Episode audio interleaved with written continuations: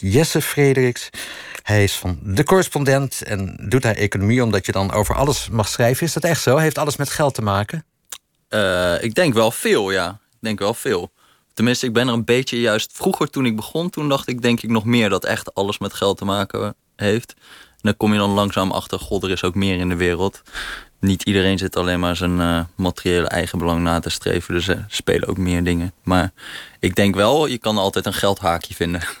Je begon een beetje als een uh, jonge Karl Marx, zeg maar. Van alles heeft met geld te maken. Alles heeft met kapitaal te maken. Ja, ja, ik dacht gewoon wel, ik dacht wel, als je wil begrijpen hoe de wereld werkt, dan moet je begrijpen hoe het geld werkt. Ja. En hoe denk dat je is nog steeds wel zo hoor. Denk ja? Ik, ja. Want denk je daar inmiddels niet anders over? Je, je hebt mensen die dan zeggen van het gaat ook om uh, psychologie, om cultuur. Ja, nou ja, dat merk je ook wel gewoon. Dat, uh, dat, dat gewoon heel veel mensen eigenlijk dingen doen Um, ik kwam bijvoorbeeld laatst een onderzoek tegen, dat ging dan over psychiaters. En die, uh, dan hadden ze een nieuw bekostigingssysteem daar ingevoerd. En dan, ga je weer over geld praten. Ja, nee, inderdaad. Maar dan, dan, dan zie je dus dat gewoon, zeg drie vierde van de psychiaters gewoon heel erg zijn materiële eigen belang nastreeft. Gewoon probeert zoveel mogelijk geld uit dat nieuwe bekostigingssysteem te halen. Maar toch een kwart, die juist voor wie blijkbaar beroepseer of zo belangrijker is. En die gaan dan die gaan dan toch gewoon behandelen wat nodig is of zo. Dus dat vind ik fascinerend eigenlijk. Dat daar, dat, daar, dat, dat soort dingen ook nog een rol spelen. Dus uh, nou, ja. Waarom wie voor wat kiest, zeg maar. Um, 29, indrukwekkende staat van dienst. Dat las ik net voor. In elk geval veel prijzen gewonnen en uh, vaak genomineerd. Uh, heb je eigenlijk altijd journalist willen worden of helemaal niet? Uh, ik denk dat er gewoon helemaal geen plan was eigenlijk. Het was, ja... Bij jou? Ja, het is een beetje, ben een beetje ingerotzooid. Dus... Uh, Wat wou je wel worden? Ja, dat weet ik niet eigenlijk. Je wou niks ik worden? Niet echt, ik heb echt de raarste studies gedaan, maar... Vertel eens. Ik heb pedagogiek een poging gedaan. Oh ja, dat is een hele rare studie. Dat is een hele rare studie, ja. Toen, uh, toen, toen uh, moest ik ook nog aan stage gaan lopen en zo. En oh. ik had ook een hele exotische methode om met kinderen om te gaan. Ik ging gewoon tegen ze praten als volwassenen. En dan zei ik gewoon ja, tegen heb ze... ik met mijn dochter ook gedaan. Ja. Daar kan ik ja, veel over vertellen. Gewoon zeggen, kappen gast, als hij dan iets verkeerd deed. En, uh, nou, en toen op een gegeven moment toen kreeg ik dus een toets over babygeluidjes. En toen wist ik wel, dit gaat het niet worden. En verder, wat heb je verder zoal geprobeerd? geschiedenis nog maar allemaal niet verder dan het eerste jaar gekomen. Dus... En hoe komt dat? Gebrek aan doorzettingsvermogen of vond je het gewoon niet interessant? Um, ja, je hebt zeg maar een beetje romantische versie dat ik, dat ik andere dingen interessant vond. Maar ik kan ook eigenlijk de eerlijke versie is denk ik dat ik een beetje lui was, veel blode en de World of Warcraft leuker vond. Dus veel aan het gamen en aan het blowen was. En was je daar goed in, in blowen en gamen? Zeker weten, ja. Zeker weten was ik daar goed in. En dan tegen het einde bij wijsbegeerte, toen was ik wel. Uh, ja, toen was, ik, toen was ik dus helemaal gefascineerd geraakt door economie. En toen was ik wel zelf heel veel aan het schrijven al, blog aan het bijhouden en dingen aan het lezen. En, uh, nou ja, en ik voelde wel natuurlijk constant druk. Ik woonde nog bij mijn moeder. En ik voelde gewoon wel druk om iets te doen of zo. Ja, ze zijn uh, ouders. Ja. Zo zijn ouders, ja. Die willen dat er iets en, van je terecht komt. Ik kon alweer voor het derde, vierde jaar uh, vakken gaan vullen bij de Albert Heijn als verkoopmedewerker B. Maar dat moest ook een keer ophouden. En, uh, en toen had Erik Smit, die, stuur, die had een, van Follow the Money... die had een soort vacature van... Um, ik zoek gepassioneerde studenten economie. Nou ja, dat was ik dan ook niet. Maar ik had wel passie. En dat had ik hem gestuurd van... ik zou wel graag keer bij jullie langskomen. Toen kreeg ik 200 euro. En toen mocht ik daar gaan zitten om gewoon dingetjes te tikken. Oh, wat lief. Ja, hij heeft me wel echt gered. Dat is echt zo. En die blog die je had, waar je het net over had, dat, uh, dat ging over de huizenmarkt volgens mij. Dus ook ja. een economisch onderwerp. Ja. Waarom zou je opeens een blog over de huizenmarkt beginnen? Tenminste, als je geen makelaar bent. Omdat ik. Uh, nou ja, toen, toen was net de financiële crisis uitgebroken. En toen was er in, uh, in Amerika was toen die hele huizenmarkt gecrashed. En daar had ik dan boeken over gelezen. En ik was gewoon heel benieuwd hoe dat in Nederland zat. En uh, ja, daar dacht ik van, oh ja, wij hebben eigenlijk ook een huizenbubbel en zo. Nou, dat was ook al een beetje aan het crashen toen. Toen ging ik daar gewoon verhalen over schrijven. Van dat de huizenmarkt uh, helemaal verkeerd ging in, in Nederland. En onleesbare verhalen over, zoals ik dat nu terugkijk. Dan denk ik, jezus, wat een tenenkrommend proza. Maar goed, zo gaat dat. Ja. Ik durf mijn eerste artikel ook niet meer terug te lezen. Nee. Dat is heel normaal. Ook veel marxistisch jargon. Of, Nou, dat mag je wel zeggen, ja. Dat, allemaal van die linksactivistische taal over het monopoliekapitaal... dat moest worden verslagen. Oh ja, ja, ja, nee, daar heb ik ook nog wel eens wat over gelezen. Ja, ik denk er heel anders over tegenwoordig. Maar goed. Um, Erik Smit, daar moeten we het uiteraard over hebben. De, de drijvende kracht achter de site Follow the Money... Uh, dit jaar samen met Kim van Keek nog uh, uh, gekozen tot journalist van het jaar. En de Anne Vondelingprijs voor politieke journalistiek mm -hmm. samen gewonnen voor een artikel over oud-VVD-voorzitter Harry Keizer. Die iets met een begrafenisonderneming had. Um, je zei daarnet, Erik heeft mij gered. Ja. Ligt dat eens toe? Nou, ik denk gewoon. Um, ik denk niet dat er gewoon een ander medium was geweest. wat mij zonder wat voor kwalificatie dan ook. Zeg maar zo vrij liet om gewoon maar dingen te gaan zitten schrijven. Hij zei gewoon: kom maar zitten, laat maar zien wat je kan. En uh, uh, we kijken wel.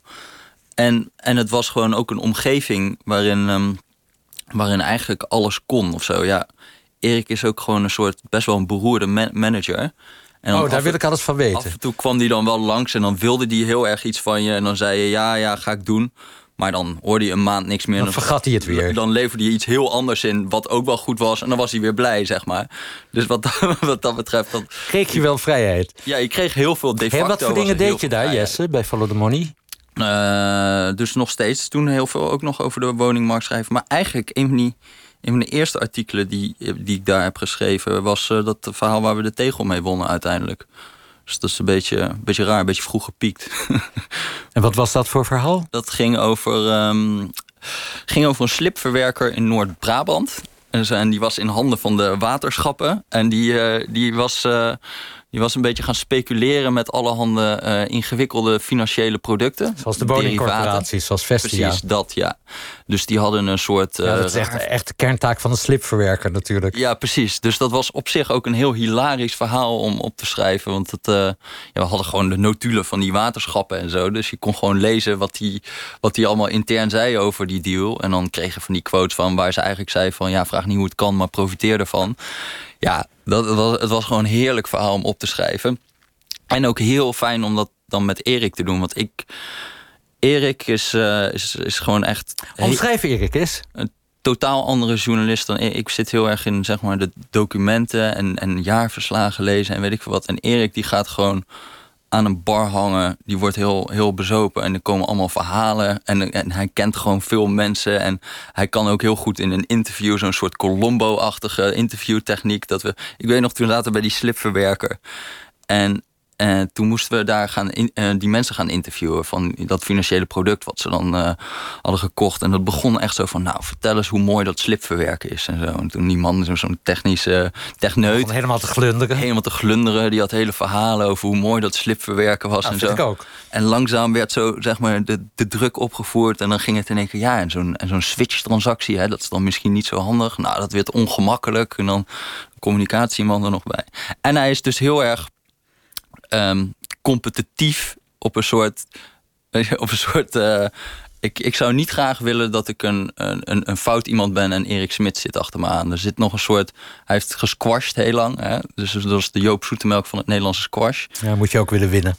En hij, hij was heel erg graag wil die winnen. Ja, dus hij deed het netwerken en jij het onderzoek? Uh, ja, en het schrijven doen ook nog, want dat, dat kon hij ook veel beter. Ja. Apart aan Follow the Money heb ik altijd het verdienmodel uh, gevonden. Aan de ene kant hele grote scoops, vaak over het bedrijfsleven. Maar aan de andere kant, om ja, middelen van bestaan te hebben... ook jaarverslagen voor het bedrijfsleven schrijven. Want ja, er moest toch brood op de plank. Ja, dat was toen. Ik weet niet of dat nu nog zo heel erg is. Nee, dat denk ik niet meer. Maar nee, ik denk wel. dat het nu al goed gaat. Maar inderdaad, dat was, wel, dat was ook wel raar aan dat begin. Dat je dan gewoon... Uh, nou ja, ook gewoon veel journalistiek moest doen voor, uh, voor beleggersblaadjes en zo. En, uh, journalistiek? Ja, ja, eigenlijk gewoon dingen die je niet wil doen. Gewoon voor Compliance Magazine een of andere CFO gaan interviewen van... nou, vertel eens waarom u zo'n held bent. Uh, ja, maar aan de andere kant, daarmee werden wel echt gewoon die onderzoeken gefinancierd. En dan zo'n de Volkskrant of zo, ik weet niet eens meer wat ze betaalden... maar veel te weinig voor dat hele onderzoek van dat derivaatding heeft drie maanden gekost. Ja, ik heb het opgezocht. 1500 euro hebben jullie gekregen voor, ik geloof, drie maanden research. Ja, ja. Dus dat is 500 euro per maand nou, samen. Kostte ik 200 euro toen, dus dat gaat ook wel lekker. Maar, maar ja, goed, dat slaat natuurlijk nergens op. Ze kregen het voor een prikkie. Ja, toen heeft die Philip Remark, die kwam ook nog op die... Dat is de hoofdredacteur, van de Volkskrant. Die kwam op de avond van de tegeluitreiking. Zo, dat is de goedkoopste tegel die we ooit hebben gekregen. Zo. Klopt het verhaal dat jullie nadat jullie die tegel hadden gewonnen... wel een bonus nog hebben gekregen? Ja, ja toen hebben we nog wel geld. En toen daarna nog een, een, paar artikelen mogen schrijven en zo. Overigens is het nu niet meer de goedkoopste tegel. Want uh, dit jaar hadden ze hem weer gewonnen. En dat had een stagiair geschreven die helemaal niks heeft gekregen. Dus... Uh, nou ja, als het maar kwaliteitswerk is. Ja. Zullen we even naar een fragment gaan luisteren? Want dat hebben we opgezocht voor deze uitzending. Uh, de tegel 2012 voor achtergrondjournalistiek. En dat klonk zo. De winnaar van de categorie achtergrond is uh, een combinatie. Jesse Frederik en Erik Smit van the Money met het derivatendrama.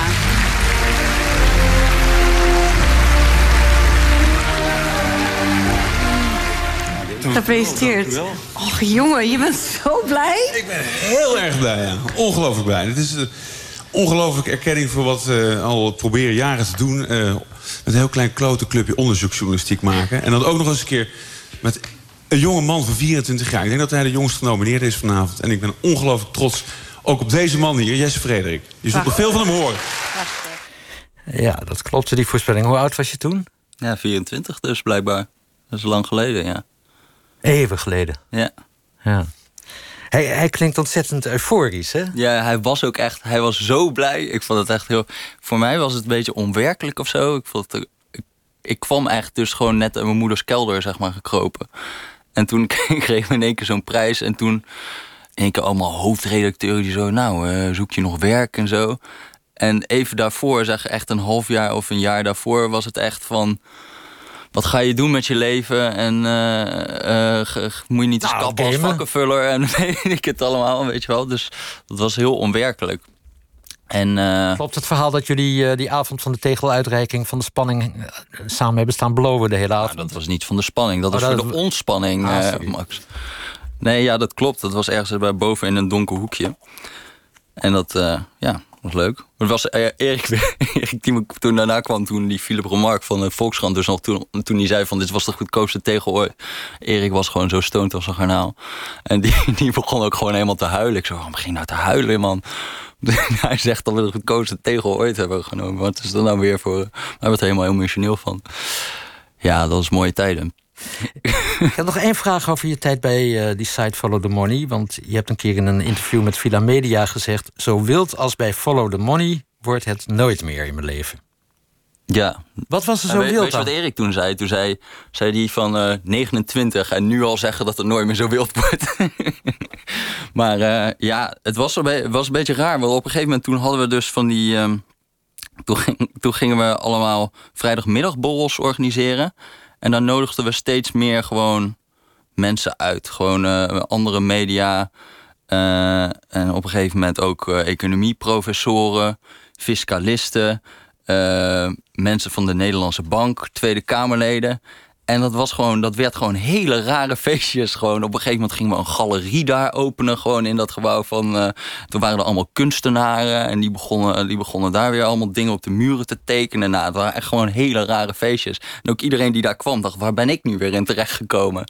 Van we zien hier gewoon. We zitten hier op een of ander feestje met allemaal kunstenaars en Tweede Kamerleden. Die, ja, dat was echt raar. Maar en, en, en ik had geen referentiepunt of zo. Dat was voor mij een soort tweede studententijd.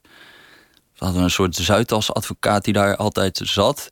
En die, was een, eh, ja, die sliep daar ook. Die was helemaal aan lage wal geraakt. Die was, was ooit een van de top M&A-advocaten uh, van Nederland geweest. Echt top drie van best betaalde advocaten. En die, en die was helemaal alcoholist geworden. En die was, sliep daar dus altijd op de redactie. Maar die ging dan ook van die enorme diners houden daar. Met, uh, waar die dan allemaal kreeften stond, stond te koken.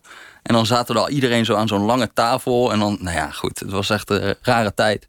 En veel gedronken? Veel gedronken, ja. Veel gebloot? Veel gebloot toen nog, ja. Veel, veel gesnoven? Nee, dat deed ik niet toen nog. Nee, nee jij misschien niet, maar, maar misschien die advocaat van de Zuidas of andere Nou, die was meer van de drank, geloof ik, maar goed. Maar andere redacteuren? Ja, dat werd wel gesnoven natuurlijk. Je zit nu bij de correspondent, daar gaan we het straks nog uitgebreid over hebben. Is, is dat braver? nou, niet, niet dat, dat er een Zuid als advocaat een kreeft staat, staat te koken. Nee, nee. Maar gebeuren ook is ook wel gezellig. Maar het, ja, het, je moet, kan ook te erg romantiseren of zo hoor. Dat, die follow the money tijd was ook een beetje van de pot gerukt natuurlijk. En, maar het is wel rustiger, maar dat is ook goed.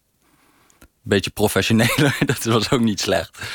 Bij deze serie Luisterende Pels hoort altijd de vraag van... wie zijn je inspiratiebronnen geweest? Nou, één is duidelijk, Erik Smit. Mhm. Oh, nog één keer dan. Hoe, hoe zou je eh, zijn rol in je leven en in je loopbaan willen omschrijven? Een soort journalistieke vader, journalistieke held, uh, journalistiek voorbeeld. Wat, wat is die voor je geweest? Of wat is die nog steeds voor je?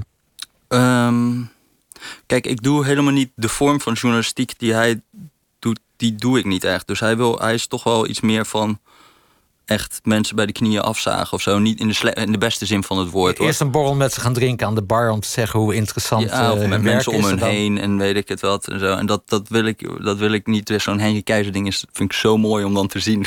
dat, dat, hij dat is wel mensen bij de knieën afzagen. Ja, ja, ja, zeker, zeker. Dus ook van die dingen zoals dat het dan heet. Dat, dat artikel heet de ruksigloze zelfverrijking van een politiek zwaargewicht. Nou, dat is echt een typische Erik-frase. Ik weet nog wat met dat derivatenstuk. Want de man is, zonder daar kritiek op te hebben... Een beetje corpulent. een beetje corpulent. Ja. Maar ik weet ook nog dat we bijvoorbeeld bij dat derivatenstuk... toen hadden we, toen hadden we dus een, uh, een, een man en die heette iets van... ik weet niet eens meer, Sylvester heette die. Dat was de CFO van die, uh, van die slipverwerker. En die was helemaal de fout ingegaan. Die was door Deutsche Bank verleid en weet ik veel wat. En toen hadden we ontdekt op een gegeven moment... die man die was ook penningmeester van de lokale voetbalvereniging FC Waterboys of zo. Echt zoiets heel lulligs. Toen hadden we dat zo in dat stuk gezet. Uh, Sylvester, uh, uh, CFO van de slipverwerker Noord-Brabant. En tevens penningmeester bij de lokale voetbalvereniging. Nou, dat was een typisch Erik dingetje. Onder de gordel. Heel onder de gordel. En toen moest hij het hij moest het ook allemaal teruglezen. En die moest dan commentaar daarop leveren. En die zei iets van... Uh, onacceptabel, doet het voorkomen alsof Sylvester een onnozele hals is. Dan Erik zo terugsturen. Nee joh, dit is gewoon een stukje couleur lokaal. Nou ja, dat vond hij dan echt... Gewoon iemand die niet met geld kan omgaan, maar toch penningmeester. Ja, ja precies. precies. Gewoon. Dus zo'n klein vleugje karakter mooi. Maar nou ja, wat heeft hij voor mij betekend? Het belangrijkste is gewoon een kans gegeven, heel erg. Waar dat echt niet bij anderen was. En heel veel, heel veel vrijheid gegeven. En leren schrijven natuurlijk. Gewoon kijk hoe je dat doet. Uh, een, verhaal vertellen.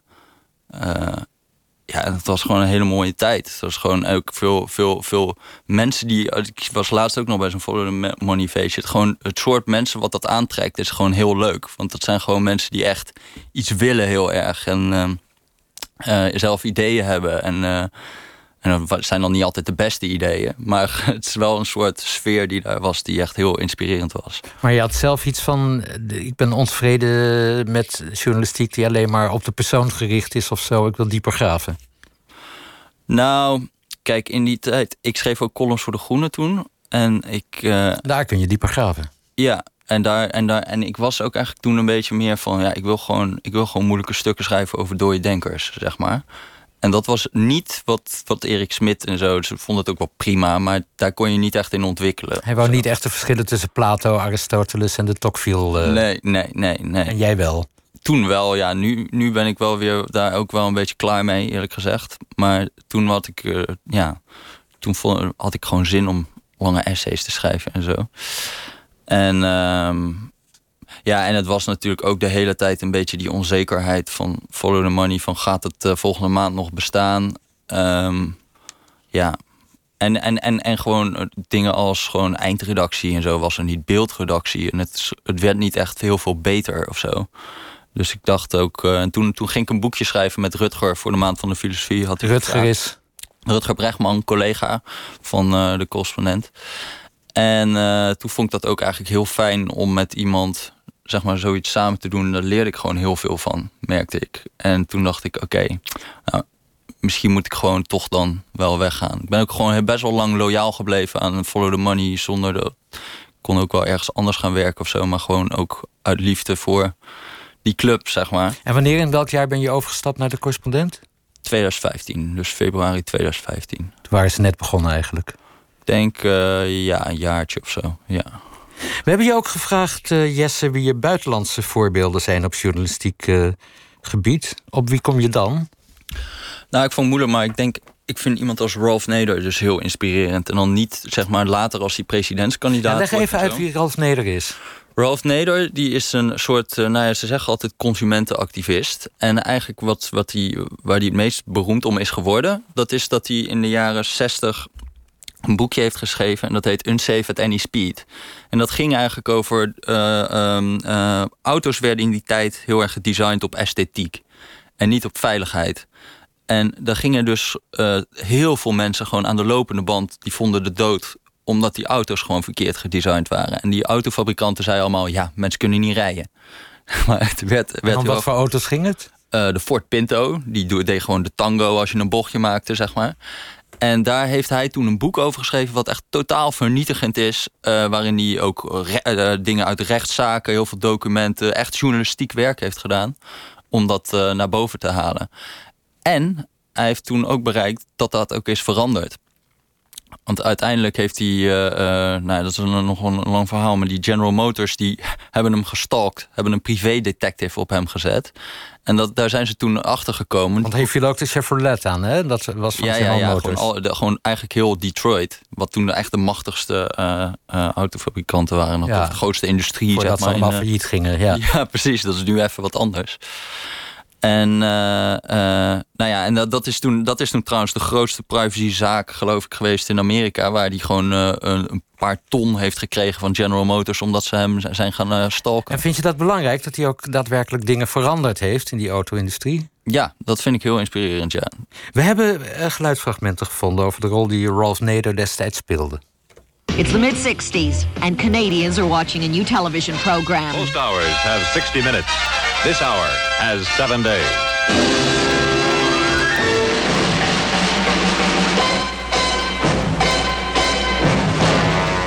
Tonight, Ralph Nader charges the Detroit car companies with running risks that can't hurt them, but do hurt us. New York lawyer Ralph Nader. He had just come out with his first book called Unsafe at Any Speed, in which he said the popular Corvair was dangerous. Because of bad suspension, the car could go out of control and flip over. In this interview, he accused Detroit car makers of being more interested in styling and profits than in safety. The question is, why did it take them four years to find out? This is my point. Either it's sheer callousness or indifference, or they don't bother to find out how their cars behave. Ja, dat uh, was het verhaal over de Chevrolet uh, Corvair. In, inderdaad een geweldig ontwerp, maar hij sloeg dus wel eens over de kop kennelijk. Mm -hmm. En Ralph Nader heeft dat uh, ja, aangekaart. En dus, ja, hij is ook doorgegaan met actievoeren, heeft ook van alles bereikt. En is later politicus geworden, nog een paar keer presidentskandidaat zelf. Mm -hmm. ja, geen journalist noem je, maar meer een activist, een politicus. Ja, terwijl als je dat boek leest, dat Unsafe at Any Speed, dat is wel echt heel journalistiek eigenlijk. Hij geeft, wel ook, hij geeft ook wel oplossingen. Dat is dan misschien wat we niet heel journalistiek uh, vinden. Maar het onderzoek is uh, heel, heel sterk. En is gewoon eigenlijk, ja, wat mij betreft, waarom zou dat geen journalistiek zijn? Hij gebruikt alle journalistieke methodes. Hij praat met engineers. Hij haalt uh, rechtbankstukken aan. Hij, hij leest ongelukverslagen. Ehm, dus wat dat betreft, ja, misschien moeten we dan onze definitie, of tenminste, wat mij betreft, vind ik het ook gewoon een uitstekende onderzoeksjournalist. En als je ziet wat hij dus heeft bereikt, gewoon ja, uh, sinds, sinds door al die wetten, zoals een uh, veiligheidsgordel in auto's, gewoon vijf keer minder uh, ongelukken op de weg. Zeg maar tienduizenden mensenlevens gered door zoiets. Ja, dat is eigenlijk ongelooflijk dat je dat, dat je dat kan bereiken. En zou dat ook het doel van journalistiek, van onderzoeksjournalistiek moeten zijn? Wat bereiken? Ja, dat lijkt mij wel. Het is toch niet. Uh, het punt is niet alleen om de wereld te beschrijven, maar om maar te veranderen, toch? Oh, dit is weer Marx. ja. Dit heb ik tijdens mijn studententijd aan de Universiteit van Amsterdam honderden keren moeten horen. Hmm. Ja, ik denk het wel. Waarom doen we het anders, toch? Nou ja, je hebt een heleboel journalisten die zeggen: ik geef gewoon, uh, ja, ik ben doorgeefluik. Geloof ik, ik geen hout van dat ze dat echt geloven. Geloof ik geen hout van. Waarom, want, je, want er zijn vele feiten in de wereld en jij kiest om een bepaalde constellatie feiten te beschrijven. Waarom doe je dat? Het is niet alsof, uh, alsof uh, Bas Haan naar zijn werk rijdt en denkt: ik ga eens eventjes uh, beschrijven hoe ik naar mijn werk rijd. Dat zijn ook feiten, maar die zijn niet interessant. Er moet een soort moreel kader onderleggen waarom jij een bepaald iets een misstand vindt of niet. En het enige verschil met mensen als ik en Rolf Nader is denk ik dat ik in ieder geval expliciet zeg dit is mijn morele kader en dit vind ik ervan. Maar je gaat mij niet vertellen dat andere journalisten niet ook dingen vinden. Ik heb het voorgevoel dat we het hier in het tweede half uur van deze uitzending nog over gaan praten. NPO Radio 1. Argos. Ja, Argos. En u luistert naar de serie, de zomerserie Luister in de Pels... waarin onderzoeksjournalisten vertellen over hun vak, hun dromen, hun ambities. En eh, nou ja, het mag ook over hun uh, missers gaan natuurlijk. Vandaag de eerste aflevering met Jesse Frederik, correspondent economie bij de site De Correspondent. Uh, we hebben het al even gehad over uh, dat je Follow the Money wel een beetje met bloedend hart verliet, maar wel verliet om te gaan werken voor de correspondent, omdat je daar ja, meer filosofische artikelen ook uh, kon schrijven. We hebben het ook al even gehad over dat je daar Rutger Brechtman aantrof. Nou, jullie hebben samen een podcast die heel populair is en de Rudy en Freddy Show heet. Ik denk dat jij Freddy bent en anders Rudy. Ja ja, het was gewoon ooit de werktitel voor de grap, maar dat is gewoon blijven hangen. Dat is wel een beetje, een beetje idioot als mensen dan zo aankomen. De Gudy en Freddy show, ja. Ja, inderdaad. Razend populair, hè? Hoeveel luisteraars heeft het? Um, ja, het verschilt een beetje per podcast, maar ergens tussen de 15.000 en 20.000, zoiets. Dus dat is echt. En, en wat je gewoon merkt, is dat, uh, dat het heel, uh, heel anders wordt beluisterd, heb ik het idee, dan stukken of zo. De, me de meeste mensen die naar mij toe komen, die komen over die podcast en niet over een artikel of zo. En heel aandachtig geluisterd ook of zo. Dan komen ze zelfs gewoon grappen die ik dan in die podcast heb gemaakt, die gaan ze bij mij ook nog een keer. Weet je wel, alsof, je, alsof ze je echt kennen. Dat vind ik wel bijzonder en het is ook echt een leuke vorm. Je hebt geen eindtijd. Je kan gewoon maar door blijven gaan. Het is echt... Uh, ja, jij hebt er ook één, toch? Ja, nee, sterker Wil je die nog even aanprijzen? Ja, nee, op 3 september staan we keihard tegenover elkaar... bij de, bij de uitreiking van de Podcast Awards van eh, BNN Nieuwsradio. Jij bent, ook, jij bent ook genomineerd in de categorie ja, zakelijk. Voor de stem, nee, nee, voor de categorie nieuws en politiek. voor de ah, stemming van Vullings en Van Wezel. Maar ja. kijken wie het wint. Rudy en Freddy of... Uh... Ja. Hey, Rutger Brechtman. Mhm. Want dat is een beetje je nieuwe guru, lijkt het. Guru? Ja. Nou, nee, gewoon een vriend. Het is gewoon uh, uh, ja, een hele fijne collega. En we lezen elkaar stukken heel veel. En we, maar we doen wel andere, ander soort dingen, denk ik. Um, Omschrijf hem eens op de manier waarop je daarnet Erik Smit omschreef. Uh, ja, het is grappig. De eerste keer dat ik hem ontmoette, dacht ik... ik heb nog nooit iemand ontmoet die zo weinig over koetjes en kalfjes praat. Zeg maar, ik kwam gelijk down to business. Ja, wat zei Dat vind ik altijd nee, dat leuk is geweldig. Dat is heel praten. leuk. Dat is heel leuk. We zaten toen in een café en toen zijn we een... Uh, uh, en toen hebben we alleen maar over inhoud gesproken. En toen dacht ik daarna van, hè, maar wat, heeft hij heeft die een vriendin eigenlijk? En weet ik het allemaal.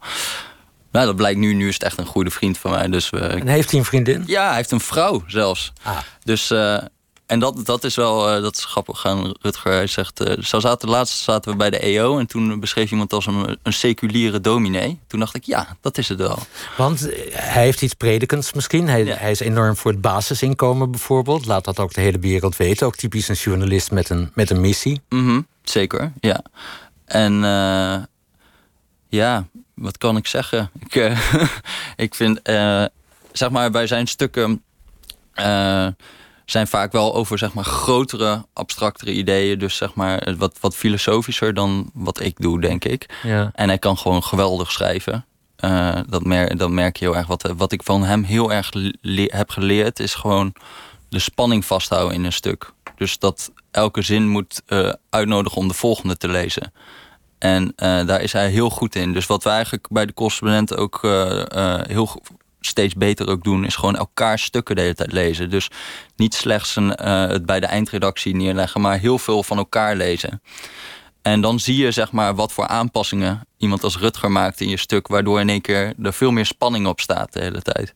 En daar leer je enorm veel van. Je krijgt enorm veel beter leren lezen door, door of schrijven door Rutger. ja. Ik heb dat uh, interview op de EO van de week ook gehoord. Van, hij is nu bezig met een boek over dat de mens goed is. Ja. Lekker ambitieus. Lekker typisch, hè? Ja, is geweldig. Ja. Dus hij is, uh, wordt, een, wordt, een, wordt een soort magnum opus. Een heel dikke, dikke pil over uh, de goedheid der mens. Jullie hebben samen het boek Verdienen vuilnismannen meer dan bankiers mm -hmm. geschreven. Intrigerende titel. Waar sloeg die precies op? Nou, is gewoon spelen met verdienen natuurlijk. Van, ja, verdienen in het Nederlands. Zouden ze meer moeten verdienen? Ja, precies. Dus verdienen is in het Nederlands aanspraak maken op in een soort morele zin. En gewoon verdienen als in economisch. En, jullie antwoord was: vuilnismannen zijn voor het functioneren van de economie inderdaad belangrijker dan bankiers. Zo, ze zouden nu maar eens gaan staken met dit weer. Hè. Dat zou even vervelend worden. En ja, en, en het is natuurlijk een beetje groots van niet elke bankier is, uh, is hetzelfde. Je zegt gewoon eh, over een hele beroepsgroep. Maar er zijn, er wel zoveel bewijs dat gewoon grote delen van de bankaire sector een beetje overbodig zijn. En als ze morgen stoppen met werken, is er, gaat er niks verkeerd, zeg maar. Uh, Zo'n man van Deutsche Bank die een derivaat verkoopt aan een slipverwerker. Ja, daar wordt de wereld niet echt mooier of beter of schoner van of zo. Ehm, ja, daar ging het boekje eigenlijk over. En, uh, Waarom hadden... luistert niemand daarnaar? Want op de een of andere manier blijven bankiers meer verdienen dan vuilnismannen. Ja, nou ja, kijk, dat, dat, dat is wel iets waarom ik een beetje terug ben gekomen op dat moeilijke essay schrijven. Ik, uh, ik heb het idee dat als je het zo op zo'n hoog abstractieniveau houdt, dan, gebeurt, dan is het moeilijk om verandering te krijgen. Of om te zeggen, wat wil je nou precies veranderen of zo. Um, dus ik ben eigenlijk ook in dat jaar daarna eigenlijk weer wat meer journalistiek en wat dichter bij de grond of zo. Wat kleinere onderwerpen pakken, omdat dat daar, eh, zoals zo'n zoals zo'n autoveiligheid van Rolf Neder of zo, daar is gewoon duidelijk wat je moet doen. En hier zo is het, we vinden gewoon in het algemeen de inkomensongelijkheid, verdeling onrechtvaardig. Maar wat moet je dan precies? Ik had ook dat probleem, daarna gingen we allemaal lezingen doen. En dan zeiden mensen van, ja, maar wat moeten wij nou? Dan dacht ik, ik heb eigenlijk helemaal geen antwoord. En ik krijg een of lulverhaal, hou je. Maar eigenlijk kan je ook niet zoveel zeggen of zo. En dat ging mij ook een beetje storen, dat het niet zo concreet was, juist. Jij bent 29, hoe oud is Rutger? Uh, volgens mij ook, of eentje een jaartje ouder, 30, ja. Weet ik niet zo goed eigenlijk. Veelbelovende jongeren. Ja, ja nou, dat is ook. Zei hij met enige jaloezie in zijn stem. ja, ja, nou ja, dat is heel leuk van, uh, van de correspondenten ook hoor. Gewoon uh, wat voor mensen er werken. Het is gewoon een hele leuke jonge club nog.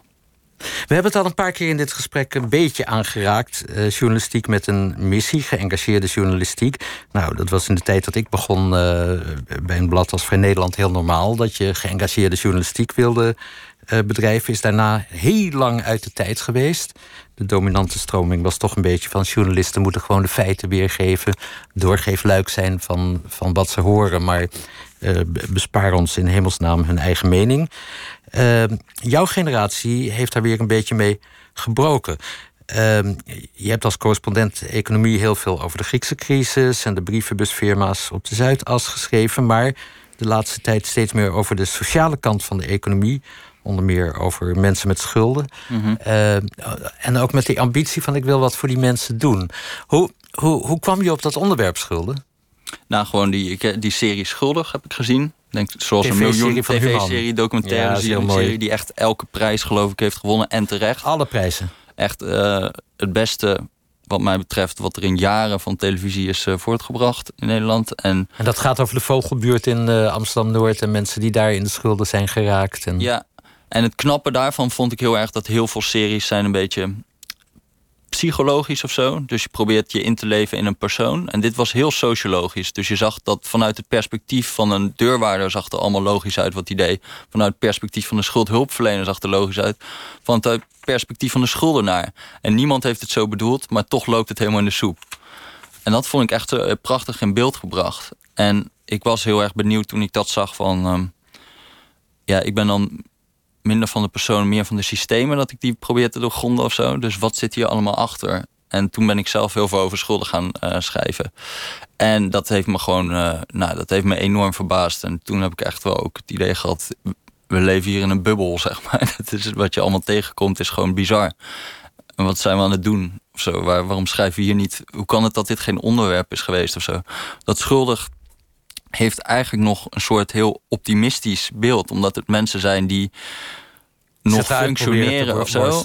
Maar je komt ook bij mensen, bij mensen die dan vertellen van... ja, ik, uh, ik lag gewoon uh, onder, uh, op de bank onder een dekentje met de gordijnen dicht. Nou, daar kom je ook. Ik loop met een deurwaarde langs mee. En dan, dan zie je dat soort woningen de hele tijd. Kom, kom, kwamen we op een gegeven moment, was met een deurwaarde... kwamen we bij een woning, gordijnen dicht, vies. Je ziet een een stroomdraad van de buurman door de brievenbus naar binnen lopen. Dus die man die is al afgesloten van elektriciteit. Achter, uh, achter op, de, op, op, zeg maar op de mat ligt een hele stapel post. En we kijken door de brievenbus en zien overal Brouw staan achterin. En wij komen een brief in die deur gooien die 300 euro kost. Want we gaan bankbeslag leggen, dus we gaan zijn bankrekening uh, uh, blokkeren. En ja, ik dacht, wat, is, wat, wat zijn we hier aan het doen, weet je wel? Deze man heeft geen deurwaarder nodig, geloof ik. Dit is, en dat de hele tijd door, zeg maar. Klopt het verhaal dat je zo geraakt was door die televisieserie... dat je voor de tv hebt zitten huilen? Ja, ja, ja zeker, ja. ja. Het emotioneert je echt? Ja, dat, dat, ja ik vond dat echt een, vreselijk mooi, ja. Zo'n scène met een taartje, dat, nou, toen brak ik. Maar dat, uh, ja. Nu ga ik even je psychiater uithangen, Jesse. Uh, want je hebt in december de Joop den Uyl, de JM den Uyl-lezing... van de Partij van de Arbeid gehouden. Mm -hmm. En dat werd een heel persoonlijk verhaal. Je refereerde aan je eigen jeugd, de mogelijkheid dat uh, bij jou in de tijd... dat je vooral blode en gamede het kwartje de andere kant op had kunnen vallen. Even een stukje van die Joop den Uyl-lezing. En ik heb me ook vooral gerealiseerd hoeveel geluk ik heb gehad. Kijk, u moet weten, tot mijn 23ste was ik een groot verbruiker van softdrugs. En uh, zo rond mijn 23ste waren mijn voornaamste wapenfeiten... waren eigenlijk een HAVO-diploma en uh, een troll shaman op level 70... in het uh, computerspel The World of Warcraft. Ehm, ja, dat zo? Je kent het probleem? Oké. En als, als, toen, als, toen, als toen mijn moeder me niet had geholpen, mij onderdak had gegeven en uh, voor mij de rekeningen betaalde, dan was ik misschien nu ook wel zo'n kleinsma jongere. Of erger nog, ik uh, was zo'n Sander geworden of zo. Wat is een kleinsma jongere? Nou, daar ging het in die le lezing over. over nou, er was een wet in 2009 die werd ingevoerd. Hardere, hardere voorwaarden voor jongeren in de bijstand. En daar waren dus gewoon... Uh, bleek in één keer dat er heel veel jongeren uit de bijstand waren gezet... die ook geen werk en die ook geen studie hadden. Dus je vraagt je af wat er met die mensen is gebeurd, zeg maar. Dat noemde ik even kleinsma jongeren. Maar dat zat in die lezing allemaal. Um, je maar... vertelde die zaal eigenlijk, de rode hoed geloof ik. Uh, ja, ik had, als het anders was gelopen, zelf ook in de schuldsanering kunnen zitten. Nou, dat denk ik nog steeds wel eens. Ik kreeg laatst gewoon een 900 euro zorgtoeslag moest ik uh, terugbetalen. En toen dacht ik, uh, goh, ik schrijf hier toch over, daar gaat iets mis. Maar ehm, ja, ik weet het eigenlijk wel zeker dat dat, dat dat er dik in zit. Ik ben nog steeds slecht met administratie. Je hebt volstrekt geen doenvermogen. En dus ik kan me daar heel erg in inleven. Want ja, want al die verhalen met school, het, uiteindelijk eindigt het altijd hetzelfde. Dat mensen zo erg in de stress raken. Dat ze eindigen met een plastic tas vol ongeopende post. En, uh, en zich dan struisvogelgedrag gaan vertonen. En dat herken ik zelf ook heel erg. Um, ja. Je was onder de indruk van die uh, serie Schuldig. Mm -hmm. Je hebt meegeschreven samen met de maaksters van die serie aan een manifest, Schuldvrij. Mm -hmm.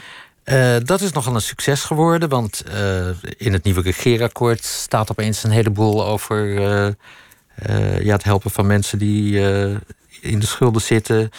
Er is een Tweede Kamerdebat over geweest. Er is een hoorzitting geweest in Den Haag waar jij ook het woord hebt gevoerd. Uh, ik zag je bij RTL Late Night uh, in discussie met staatssecretaris Van Ark die erover gaat. Mm -hmm. Dat is een ongelooflijk succes eigenlijk. En uh, het belangrijkste, gewoon heel veel moties nu aangenomen die, die, die echt bepaalde dingen aanpakken. Dus zoals als je bijvoorbeeld de verkeersboete niet betaalt en niet binnen drie maanden betaalt, dan gaat hij van 400 euro naar 1200 euro. Nou, dat is nu gewoon een motie aangenomen van dat uh, dat, dat moet worden aangepakt, dat dat gaat veranderen. Uh, nou ja dat, dat, dus, ja, dat is echt een succes geworden. En daar ben ik ook wel echt blij mee. Want uh, ja, dat was de bedoeling. En ben je tevreden met wat de regering nu doet?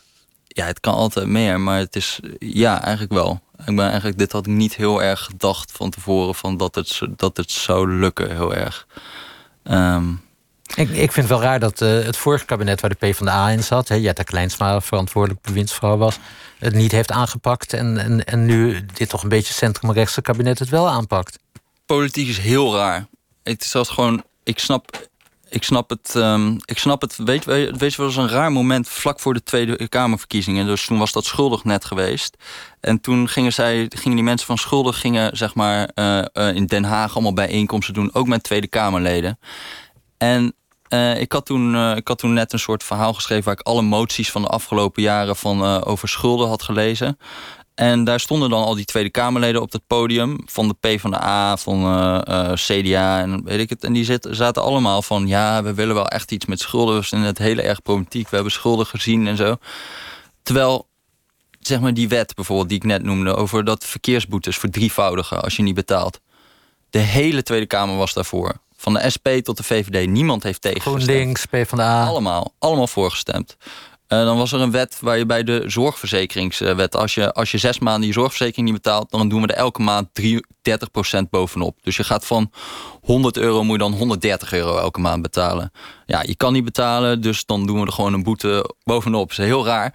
Iedereen voor. Waardoor het steeds moeilijker is van je schulden af te komen. Ja, precies. En maar, maar in die tijd... Maar denken ze dan helemaal niet aan de uitvoering? Aan de, aan de effecten op mensen? Nou, ik denk, het was gewoon geen, het was gewoon geen onderwerp. Mensen zijn, waren er niet mee bezig. En uh, uh, als, het, als er niet over wordt gesproken in de media, als er geen aandacht voor is. Want ik heb daarna zat ik dus met, uh, met een D66-Kamerlid te praten. En ik, had toen, ik moest toen een column voorlezen. Toen zei ik, ja, maar het is toch heel raar wat jullie nu zeggen. Want jullie hebben allemaal voor deze moties gestemd. Of van, jullie hebben dit allemaal deze wet voorgestemd. En moties om het te veranderen afgewezen. Toen zat dat D66-Kamerlid, oh ja, heb ik dat gedaan? Uh, welke, welke wet was dat dan? Die is er nu niet meer. Maar, Wie was het? Fatma Kozo Kaya. Ah ja. ja. En die, uh, ja, ik, maar dat is, dat is heel raar. Maar ik ben ook wel een beetje achter van dat is gewoon ook wel een beetje hoe de Tweede Kamer werkt. Ze hebben gewoon veel te veel dossiers. En uh, als, als een dossier geen media-aandacht krijgt, krijgt het ook heel weinig liefde. En dan wordt het gewoon. Um, automatisch die piloot werkt, wordt er niet heel hard over nagedacht van goh, als we een boete gaan doen op mensen die niet kunnen betalen, zou dat misschien problemen opleveren. Ja.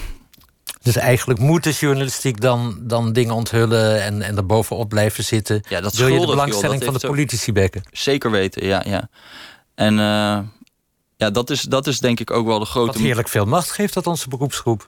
Ja, maar wat doen we er weinig mee, toch? Dat is, het, is, het, is, het is eigenlijk heel erg... Ik vind het zo raar dat je een dossier hebt zoals schulden... waar een half miljoen mensen hebben problematische schulden.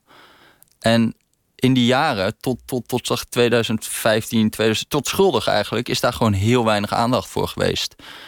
Ik, nog, om nog een keer met die verkeersboetes. Wat daar op een gegeven moment gebeurde was dat... Uh, uh, als je een verkeersboete niet betaalt... dan, dan krijg je, word je op een gegeven moment word je gegijzeld. Dus dan gaan ze je de gevangenis ingooien als je die heel lang niet betaalt. Uh, in 2013 was 21% van alle nieuwe gevangenen... waren mensen die een verkeersboete niet konden betalen. Uh, 18.733 mensen zijn de gevangenis ingegooid... omdat ze een verkeersboete niet konden betalen. Wezenlijk. Hoeveel is daar nou aan aandacht voor geweest? Het is echt... Ik vind het een heel ziek verhaal. En, en, en ik heb nu ook allemaal documenten van WOP-verzoeken en zo... waarin eigenlijk staat van ja, wij, wij hebben hier een volledig geautomatiseerd proces waarbij we mensen de gevangenis ingooien zonder dat we eigenlijk kunnen nagaan of ze wel niet kunnen betalen of niet willen betalen. Ja, ik, ik, het is toch echt een beetje jammer dat we dan, dat we dan gaan praten over hoe, hoe Thierry Baudet een vleugel naar binnen aan het takelen is als dit soort dingen nou, Dat valt toch wel mee, hoe die naakt uh, aan de rand van een zwembad ja. ligt. Dat, dat is pas erg. Maar ik heb dus bijvoorbeeld ook, ik heb nu door dat schuldvrij best wel veel gepraat met Kamerleden of zo. En een van die mensen is uh, René Peters van het CDA. CDA. Hele leuke man, ook wethouder ja. geweest. Dat scheelt, scheelt altijd een hoop, zeg in maar, Os. in, in, in, in, in Os, ja. En die, die vindt over heel veel dingen, heel veel zeg maar, inhoudelijke dingen, vindt hij over van jeugdzorg, schulden. En daar schrijft hij ook blogs over. En op een gegeven moment had hij één keer heeft hij een uh, blog geschreven over rapper Boef. En rapper Boef die had iets objects gezegd over vrouwen of zo. Ik weet niet eens meer wat het was. En hij zei, ik heb eigenlijk zelden dat een, een, journalist mij belt over iets inhoudelijks. Behalve als iemand in de coalitie heeft iets heeft gezegd... dan proberen ze soort te kijken van, wat vindt u daar dan van? Of er een soort van splijtswam is. Maar uh, toen had hij iets over rapper Boef geschreven. Toen kon hij in één keer in elke talkshow komen. Allemaal gingen ze bellen, de telefoon stond rood gloeiend. Maar hij wil helemaal niet iets vertellen over rapper Boef. Hij boeit die heel die rapperboef niet. Hij wil iets vertellen over de jeugdzorg of over schulden. Maar daar, daar belt nooit iemand voor. Want god, we zullen toch in een talkshow eventjes zes, zeven minuten moeten gaan besteden aan schuldhulpverlening. Dan gaan, gaat iedereen weg. En dan, dan zegt de netmanager van uh, sleep deze gast van de radio af uh, voordat hij voordat hij nog doorgaat. Nou, les voor media ga je de politici beginnen over rapperboef. Dan gaan -huh. de redacties bellen. Hey, um, we hadden het er al even, we raakten het punt uh, zijdelings. Maar er, zijn collega-journalisten die zeggen van... je bent te ver gegaan met die uh, manifest, uh, dat manifest schuldvrij... met het woord voeren tijdens een hoorzitting van de Tweede Kamer. Dan ben je eigenlijk geen journalist meer, maar lobbyist. Weliswaar lobbyist van een goede zaak, maar lobbyist. Nou, een van die mensen, zijn naam viel al even... is Bas Haan van Nieuwsuur, bekend van de Tevendeal en het WODC. Hij discussieerde met jou daarover op de podcast Spotlicht, een uh, podcast over journalistiek. En uh, ja, zei toen dat hij niks van lobbyen of actievoeren moet hebben. Voor mij is dat een, een, grens die, niet, die ik niet kan, wil, mag overschrijden. De grens van um, naar lobbyen of actie voeren. Hoe goed het doel. Maar waarom dan niet? Als je daar toch je, een systeem of een probleem mee kan oplossen, waarom zou je het dan niet doen? Omdat je het middel bot maakt. Je maakt een mens bot. Je kunt, op het moment dat je iets gaat vinden als medium, als journalist, dan, uh, dan ga je automatisch, hoe oprecht goed onderzocht die mening ook is, kom je in. Um, het meningencircuit. En het meningencircuit is juist precies de dood in de pot van de journalistiek. Stick to the facts. Weet je, op het moment dat je feiten naar buiten brengt en daarbij benoemt wat je. Uh, wat je zwakheden zijn, wat je invalshoek is, waarom je dingen doet, is echt iets anders als vertellen wat goed of fout is. Laat staan een manifest. Ja, Bas Haan, toch ook een echt uh, gedegen onderzoeksjournalistiek is, uh, journalist is heel duidelijk. Je kunt als journalist niet ook activist zijn, vindt hij. Het maakt je te kwetsbaar. Dan, uh, ja, als je dat wil, moet je maar lid worden van een politieke partij en zelf in de Kamer gaan zitten. Wat is jouw reactie daarop? Ja, het is zeg maar een heel rigide onderscheid. Je hebt feiten in de wereld en je hebt meningen in de wereld. En ik vind het moeilijk waar het feit begint en een mening begint, zeg maar. Wat ik net ook al zei, ik denk dat, dat, dat er onder wat Bas Haan doet, zit natuurlijk ook iets. Hij heeft 13 uitzendingen gemaakt over de Schiedammer Parkmoord, geloof ik. En dat was omdat hij dacht dat die man onschuldig was. Wat hij niet bleek te zijn uiteindelijk. En daar heeft hij ook goed een boek over geschreven. Hij bleek niet onschuldig te zijn. Maar waarom doet hij dat? Omdat hij een mening heeft waarschijnlijk. En we kunnen wel doen als journalisten alsof dat allemaal niet is. Maar ik denk dat. Nee, nee, ba nee Bas Haan zal zeggen: ik, ik heb geen vooropgezette mening. Ik ben het aan het uitzoeken. En dan kun je ook wel eens tot de conclusie komen dat het toch anders zit dan je eerst dacht. Ja, maar zou je dan 13 uitzendingen maken als je iets vindt? Als je niet iets vindt daarover? Nou, hij heeft duidelijk een drive om door te gaan met onderwerpen als Steven. Maar het gaat hem erom dat je niet ook moet gaan lobbyen voor een standpunt. Nee, nou ja, dat kan. Dat je daar, dat je, maar wat is het gevaar precies? Het, het gevaar is denk ik dat ik, zeg maar, omdat ik aan het lobbyen ben, dingen ga schrijven die niet waar zijn.